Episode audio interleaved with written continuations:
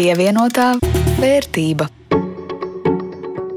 Sveicināti! Jaunas nedēļas sākumā studijā Jānis Rāmāns no Latvijas radio un Rudīts Pakauska no Latvijas televīzijas. Šodien raidījumā pievienotā vērtība runāsim par sezonas aktualitātēm. Gan par covid ierobežojumu jaunās sezonas atklāšanu, gan par rudens labumiem Baltijas akciju tirgū.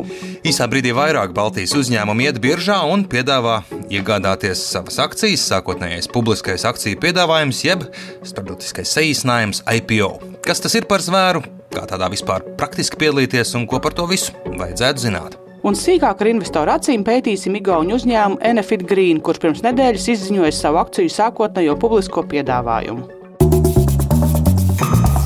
Pievienotā vērtība. Bet vispirms no šodienas kārtējā, ārkārtējā situācija. Vārdu spēles metot pie malas, eh, ekonomikai divas svarīgas lietas. Pirmkārt, obligāta vakcinēšanās vai izslimošanas certifikāts valsts un pašvaldības darbā strādājošiem un arī tiem, kam jāstrādā klātienē privātajā sektorā. Otrakārt, tirzniecības ierobežojumi. Lielā mērā nevakcinētajiem radot tādu situāciju, kāda bija mums visiem pērnajā ziemā. Nopirkt var tikai pašu nepieciešamo, bet vispārējais apģērbs, saimniecības lietas jāsūta internetā.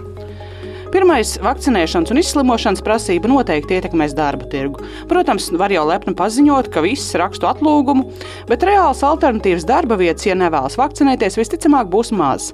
Un pieprasījumu piedāvājumu likumus neviens jau nav atcēlis. Baidos, ka tās darba vietas, kas būs ar mieru organizēt darbu tā, ka attālināti var strādāt nevakcinēti, lepni diktēs savus noteikumus darbiniekiem. Nu, saka, kur tad tu tāds nevakcinēts citur liksies? Saldi neklāsies arī uzņēmējiem. Ja darbinieks pateiks nevakcinējos un viss, bet uzņēmumam jāturpina strādāt, nāksies vai nu pielūgties, vai palūgt vakcinēties, vai meklēt citu darbinieku. Un iespējams, arī piedāvājumu, algu un citus labumus taisīt pievilcīgākus, jo ne jau viens vien uzņēmums būs spiests piemeklēt jaunus darbiniekus, kam ir Covid certifikāti. Bet kas notiks ar tirzniecību, jāsaka, banāli laiks rādīs.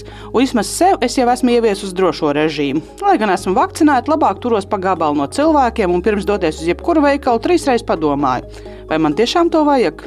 Viena lieta gan šajā Covid ierobežojuma lemšanas laikā puspaslīdējusi garām daudziem. Jaunākie inflācijas dati par septembri viss paliek dārgāks. Gada izteiksme 4,8% plusā, mēneša inflācija 1,1%. Daudz, strauji un par spīti visām cerībām uz situācijas uzlabošanos, samērā uztraucoši būs barga ziema un interesants aspekts no atbalsta viedokļa. Ja mēs piešķirtu burkāna balvu par interesantākajiem veidiem, kā veicināt vakcinēšanos, tad šonadēļ to saņemtu Finanšu un Labklājības ministrijas. Tās rosina vakcinētiem senioriem 5 mēnešus ik mēnesi kompensēt 20 eiro vērtībā cenu pieaugumu energoresursiem.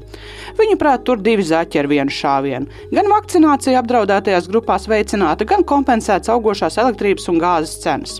Nu, te gan pirms sapriecāties un doties prasīt pabalstu, jāsagaida, kamēr to apstiprinās un pieņems. Pagaidām tā ir tikai ideja. Bet, nu, ja nu mana balss skaitās, tad šķiet loģiski atbalstu. Es gan varu atgādināt, ka pavisam nesen pirms mēneša ekonomikas ministrija izdomāja, ka sagaidot elektrības cenu kāpumu, atbalsts aizsargātajām sabiedrības grupām no 50% jāpārveido par 10 vai 5 eiro mēnesī. Vispirms padomāja par sevi, lai nepaliek dārgāk, tagad kā labdari sāks domāt par citiem. Pagaidi, bija tā plāns šo atbalstu dubultot. Jā, un es domāju, priekšvēlēšana programmās tas izskatīsies labi. Ah, nu reci labi. Var pašu labot sevis radītās problēmas un izskatīties skaisti. Pievienotā vērtība. Turpinājumā par kādu Latvijā reti sastopamu zvēru IPO uzņēmuma akciju sākotnējo publisko piedāvājumu. Tiešām, redz zvērs. Četrus gadus neviens jauns uzņēmums Nasdaq Rīga biržā nebija manīts, drīzāk pretēji. Bet šoruden kā no pārpilnības raga, tādi jau ir veseli divi. Nu pat noslēgusies pieteikšanās Delfīna grupa akciju iegādēji, un jau drīz tam vajadzētu sekot degvielas tirgotāju virši IPO. Bet mums kaimiņos vēl visu šo nedēļu var pieteikties Igauņu Enefit Green akciju iegādēji. Un gaisā virmo sajūta, ka vēl vairāk citi Baltijas uzņēmumi plāno startēt biržā. Es saņēmu vairāk ziņas sociālajos tīklos no mūsu klausītājiem, lai pastāstam, tīri praktiski, kā šādos akciju piedāvājumos var piedalīties, kā rezervēt akcijas, kāda varētu būt zemūdens, akmeņi un ko vēlams pirms tam izpētīt. Piemēram, klausītājs Armāns mūsu iedvesmots jau labu laiku veido savu ieguldījumu portfeli un nevarēja saprast, kā Delfina grupu daļas nopirkt. Atbildēja viņam turpat Facebook, jo šodien jau būtu par vēlu, bet zināšanai? Nu, patiesībā tas visticamāk nav nemaz tik sarežģīti. Vislabāk to pajautāt savam brokerim, jeb bankai, kurā jums ir ieguldījumi vai vērtspapīra konts, bet visticamāk arī pats spēsiet atrast savā internetbankā īpašo notikumu sadaļu. Līdzīgi kā ar jau biržā kotētu uzņēmumu akciju pirkšanu, vēlams saprast, ir vai nav kādas komisijas maksas, lai nav nu, nekāda nepatīkama pārsteiguma. Un, ja savā ziņā piedaloties IPO darbojas tie paši principi, kur pērkot jau biržā esošu uzņēmumu vērtspapīrus, ir tomēr pāris svarīgas atšķirības. Par IPO uzņēmumu jums ir mazāk informācijas. Līdz ar to grūti saprast, vai tā piedāvātā cena par akciju atbilst tirgus cenai, ir virs vai zem tās, kā skaidro Citadelas bankas meitas uzņēmuma CBL Asset Management valdes loceklis Andris Kotāns. Parasti uzņēmumi ir ieinteresēti biržās startēt veiksmīgi. Līdz ar to tā ir iespēja nopirkt akcijas ar atlaidi. Ar ko IPO atšķirās, ir tas, ka ir potenciāli tāda nu, papildus atdeves iespēja. Kāpēc tā? Tāpēc, ka uzņēmums, kad viņš nolēma iet kapitāla tirgu, nu, tas droši vien ir tāda ļoti ilglaicīgas stratēģijas jautājums, un, un ļoti daudziem aspektiem nav vērts tajā tieši tajā EPO dienā nu, nosacīt izspiest to sulu. Drīzāk ir motivācija atrast to kompromisu starp cenu un piesaistīto kapitālu, bet reizē arī, lai teiksim, tā, tas sākums tai līdzdalībai kapitāla tirgos ir, ir veiksmīgs. Tādēļ, ja runa par tādu lietu kā IPO diskonts, jeb šo teikt, atlaide, ka IPO iespējams to akciju ir iespējams nopirkt lētāk nekā viņi tirgosies pēc tam. ASV tirgus pētījumi rāda, ka vidēji akcijas pēc IPO pirmajā tirzniecības dienā maksā par 10 līdz 20% dārgāk nekā piedāvājumā. Un, protams, Ne visos gadījumos apsolīt un garantēt to neviens nevar un arī nedarīs, bet pirms mesties pirkt, cerot uz šo atlaidi, noteikti vajag papētīt, ko tad īsti pērkat un vai tas atbilst tiem jūsu mērķiem, kādu dēļ vispār veidojat savu portfeli. Minimums būtu iepazīties ar noskatītā uzņēmuma IPO prospektu un rast atbildes sev uz vairākiem jautājumiem. Pamatu pamats, protams, ir uzņēmuma biznesa veiksmes vai varbūt nu, ne, ne pārāk labās veiksmes. Pirmais, par ko domāt, būtu nu, kopumā tā nozare, no kuras šis uzņēmums nāk, vai, vai tā jums šķiet nu, atbalstāma, vai viņa ir veiksmīga, vai viņa ir attīstības pozitīvas tendences. Uzreiz varbūt jautāt, kā cilvēks šo viedokli var iegūt. Nu, tā vienkāršot runājot, nu, globālais tīmeklis var visu un uh, par to, kā nozares attīstās. Uh, patiesībā, ja ir laiks un vēlme, var, var salasīties ļoti daudz un plašs avots. Uh, bet nu, tā, tad, es domāju, ka katram jau ir kaut kāds pasaules redzējums un uzskats par to, kuras nozares ir veiksmīgākas, kuras mazāk un ar kurām nu, kurās kā, gribās līdzdarboties un kurās, kurās varbūt netik daudz. Nu, tas ir pirmais. Uh, otrs ir uh, nu, jau konkrēti par uzņēmumu runājot, nu, vai, vai jūs prātam uzņēmumam ir tādas nu, vēlams noturīgas, to noturīgumu bieži vien droši vien ir grūti spriest, uh, bet vai viņam ir, nu, vai viņš konkur, salīdzinot ar konkurentiem, vienalga vai tie ir publiski kotēti vai, vai privāti uzņēmumi, vai viņam ir šī, šīs nu, pirmkārt konkurences atšķirības, vai, vai jūs prāt šķiet, ka viņas ir nu, tādas pietiekami spēcīgs, kas ļaus šajā nozarē uzņēmumam veiksmīgi attīstīties. Neatkarīgi no tā, kāds ir uzņēmējdarbības modelis, cik viņš ir veiksmīgs vai neveiksmīgs, kas faktors, ko gribās pieminēt vēlreiz, protams, tas ir uzņēmuma pārvaldība. Slikti pārvaldīts uzņēmums var būt supernozarē, viņi var varbūt pat labi veikties, bet vai jūs kā mazākuma akcionārs no tā iegūsiet kādu labumu, paliek atvērts jautājums. Tādēļ Šo jautājumu noteikti nevar atstāt novārtā. Atkal domājot, nu, kas tad ir tie varbūt tādi konkrētāki jautājumi, ko mēs kā mazākuma akcionāri būdami varam vērtēt un šo viedokli veidot. Nu, vispirms jau nu, vadības komandas esošo akcionāru reputācija tādā plašā jēdzienā, vai, viņi, vai, vai šī reputācija jums šķiet pozitīva, vai nav kaut kādas skandāli daudz bijuši, un, un varbūt viņas nevienmēr var izprast, bet nu, tā skandāla esamība visdrīzāk jau pat par sevi kaut ko liecina. Nemazāk svarīgi ir saprast, kam tad īsti paredzēta no investoriem piesaistītā nauda. Vienkārši formulējums uzņēmuma attīstībai, lai gan skan lieliski un burvīgi, maz ko pasaka.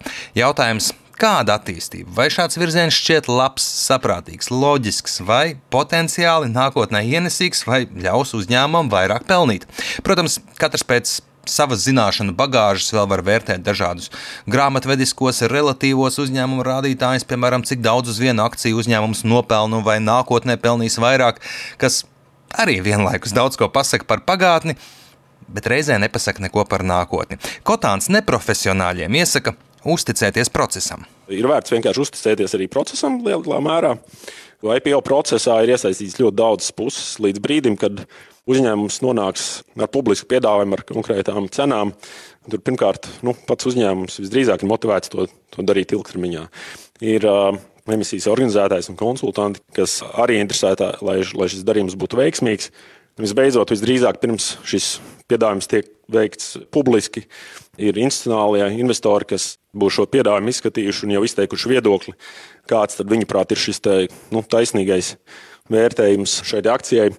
Un, un tādā, nu, tas dod to jau tādu nu, stabilitātes varbūt, apjomu, uz kur, var, uz kur var paļauties. Bet, protams, nu, kā, kā vecais labais krievu sakām vārds saka, uzticies, bet pārbaudi. Ja, tāpēc arī šo pašam individuāli veikt tādu reality čeku noteikti ir vērts. Kā tīri praktiski sākt veidot ieguldījumus, kā par tiem domāt, kā izvēlēties pareizo brokeri, vai piemērotāks būs ieguldījumi, vai vērtspapīra konts, vai zelta stieņa, gleznas un rets vīns pagrabā, to visu var atrast senākos pievienotās vērtības raidījumos pievienotā vērtība. Ceru, nu pat dzirdētie padomi noderīgi, bet kopumā aizdītajā nedēļā biržā bēdīgi uz leju, uz leju. Rīgas indeks leju par 2%, Viļņā pusotrs procents mīnusā, bet Tallinā mīnus 4,5%. Un mans portfelis, kur uzsvars uz Igaunijas tirgu, likums sakarīgi ir sarāvies par nepilniem 20 eiro.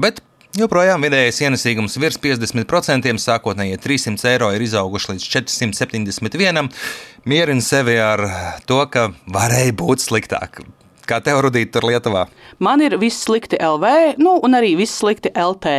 Vērtība par kādiem 10 eiro nokritusies, un vidējais ienesīgums sarucis līdz 36%. Tas, kas mani mierina, nevienam uzņēmumam atsevišķi ņemtam nav radušās problēmas. Kritums ir kopējais pesimistiskais noskaņojums tirgū. Atgriežoties pie IPO tēmas, Rudīt, tev kāds no šobrīd aktuāliem piedāvājumiem, par kuriem runājām, ieinteresējis? Pagaidām vēl sēžu un skatos, bet jāpiekrīt, biržā sāk notikt ļoti interesantas lietas. Bet tev, vai kāds no jaunpienācējiem tevi ir uzrunājis? Es nolēmu papildināt savu portfeli ar Igaunijas valstī piedarošo kompānijas ST Enerģija meitas uzņēmuma Enefit Green akcijām, kura akciju iegādējas sākotnējo publiskā piedāvājuma procesā vēl var pieteikties līdz šīs nedēļas piekdienai. Uzņēmums darbojas, manuprāt, nākotnē svarīgā atjaunojamās enerģijas ražošanas nozarē, un Nasdaq Tallinn oficiālajā sarakstā sagaidāms, ka akcijas sāks tirgot 21. oktobrī. Bet cik iekārojams investoriem ir Enefit Green akcijas vai vērts tās pirkt? To skaidroja Linda Zalāne. Enefit Green tika izveidots 2016. gadā, apvienojot visas atjaunīgās enerģijas ražošanas vienības vienā uzņēmumā. Šobrīd Enefit Green paspārnē darbojas 165 vēja elektrostacijas, kas uzstādītas 20 vēja parkos Lietuvā un Igaunijā. Vēja enerģijas asociācijas vadītājs Toms Nāburgs uzsver, ka Enefit Green ir lielākais tirgus dalībnieks atjaunīgo energoresursu jomā Baltijā. Elektroenerģijas ražošanas bizness ir ļoti augstu ieguldījumu bizness. Viens mūsdienīgs vējparks, lai viņš būtu konkurētspējīgs, investīciju ziņā tie ir apmēram 50 līdz 100 miljonu eiro. Līdz ar to uzņēmumiem, kuriem ir vairāki vēja parki vai pat desmitiem vēja parku, kā tas ir gadījumā ar Enefit Green, vai potenciāli nākotnē varētu arī būt citu uzņēmumu gadījumā, Tad, lai varētu nofinansēt šādas ļoti lielas investīcijas, uzņēmumiem ir jāvērtē iespēja arī kotēt savus vērtspapīrus biržā. Viens ļoti efektīvs veids, kā piesaistīt ļoti lielu apjomu līdzekļus, lai tālāk varētu uzņēmums augt un, un, un būvēt jaunas vēja un, un saules enerģijas aktīvas. Toms Nāburgs teica, ka atjaunīgo energoresursu biznesā ir sagaidāms liels kapitāla pieplūdums. Līdz ar to viņš prognozē, ka pieprasījums pēc Enefit Green akcijām būs augsts. Par to ir pārliecināts arī uzkrājuma un ieguldījuma eksperts Kaspars Pēcinieks, sakot, ka nozara šobrīd ir karsta, un viņš prognozē, ka pieprasījums pēc Enefit Green akcijām būs ne tikai no Baltijas, bet visas Eiropas investoriem. Ja raugāmies uz eh, finanšu rādītājiem, tad Enefit Green pozitīvi var vērtēt uzņēmumu spēju audzēt peļņu un eh, pieaug tā ne tikai EBITDA eh, peļņas līmenī, bet arī neto peļņa. un tās apmērs ir pieaudzis no 9,6 miljoniem eiro 18. gadā līdz 67 miljoniem eiro 2020. gadā. Kā ar visiem IPO, tam jābūt kaut kādam pamatojumam, nu, kāpēc uzņēmums vispār veids iešanu biržā. Un šajā gadījumā Enefit Green šis pamatojums ir diezgan skaidri izteikts. IPO procesa rezultātā Enefit Green piesaistīs 92-94 miljonus eiro, un šie līdzekļi tiks izmantoti uzņēmuma attīstībai, jeb jaunu, ja, atjaunojamās enerģijas ražošanas projektu īstenošanai. Uzņēmums nākotnē iecerējis vairāk nekā divas reizes kāpināt enerģijas ražošanas apmēru. Tuvāko divu gadu investīciju kopējais apjoms pārsniegs miljārdu eiro, un daļa no šīm investīcijām tiks finansēta no IPO piesaistītiem līdzekļiem, pārējais gan no uzņēmuma peļņas, gan piesaistītiem kredītlīdzekļiem. Labā ziņa arī dividendu ieguldītājiem ir tas, ka Energy Green plāno izmaksāt arī dividendes. Mērķis ir ik gadu izmaksāt 50% no iepriekšējā gada neto peļņas. Nu, un ja uzņēmums strādātu šogad atlikušo pusgadu tikpat labi kā pirmajā pusgadā, nu, tad 22. gadā dividendu ienesīgums pret pašreizējo šo IPO cenu varētu būt apmēram 3% gadā. Tas, protams, nav liels, nu, taču potenciāli varētu teikt diezgan zolīts dividendu ienesīgums. Kopumā man Energy Green akcijas šķiet pievilcīgas, es arī pats piedalīšos IPO procesā, jo Energy Green darbojas vienā no šobrīd vispieprasītākajām nozarēm, tas ir pievilcīgs ieguldīšanai ļoti, ļoti plašam ieguldītāju klāstam. Uzņēmuma arī ir skaidra attīstības vīzija, kā arī ražošanas jaudas mērķi. Pēc eksperta paustā pozitīvs ir arī faktors, ka uzņēmums iepriekš ir parādījis, ka spēj strādāt ar peļņu un daļu no tās jau ir izmaksājis un plāno izmaksāt dividendēs. Enefit Green sākotnējais publiskais akciju piedāvājums turpināsies līdz šīs nedēļas piekdienai. Linda Zalāne, Latvijas radio. Pievienotā vērtība. Ar to arī izskan raidījums pievienotā vērtība. To jums veidoja Jānis Ramāns no Latvijas radio un Rudīts Pakausku no Latvijas televīzijas par labskaņu rūpējās Kaspars Groskops.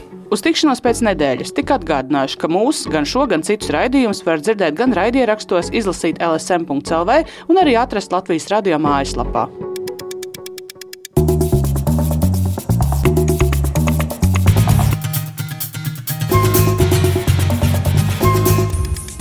Pievienotā vērtība.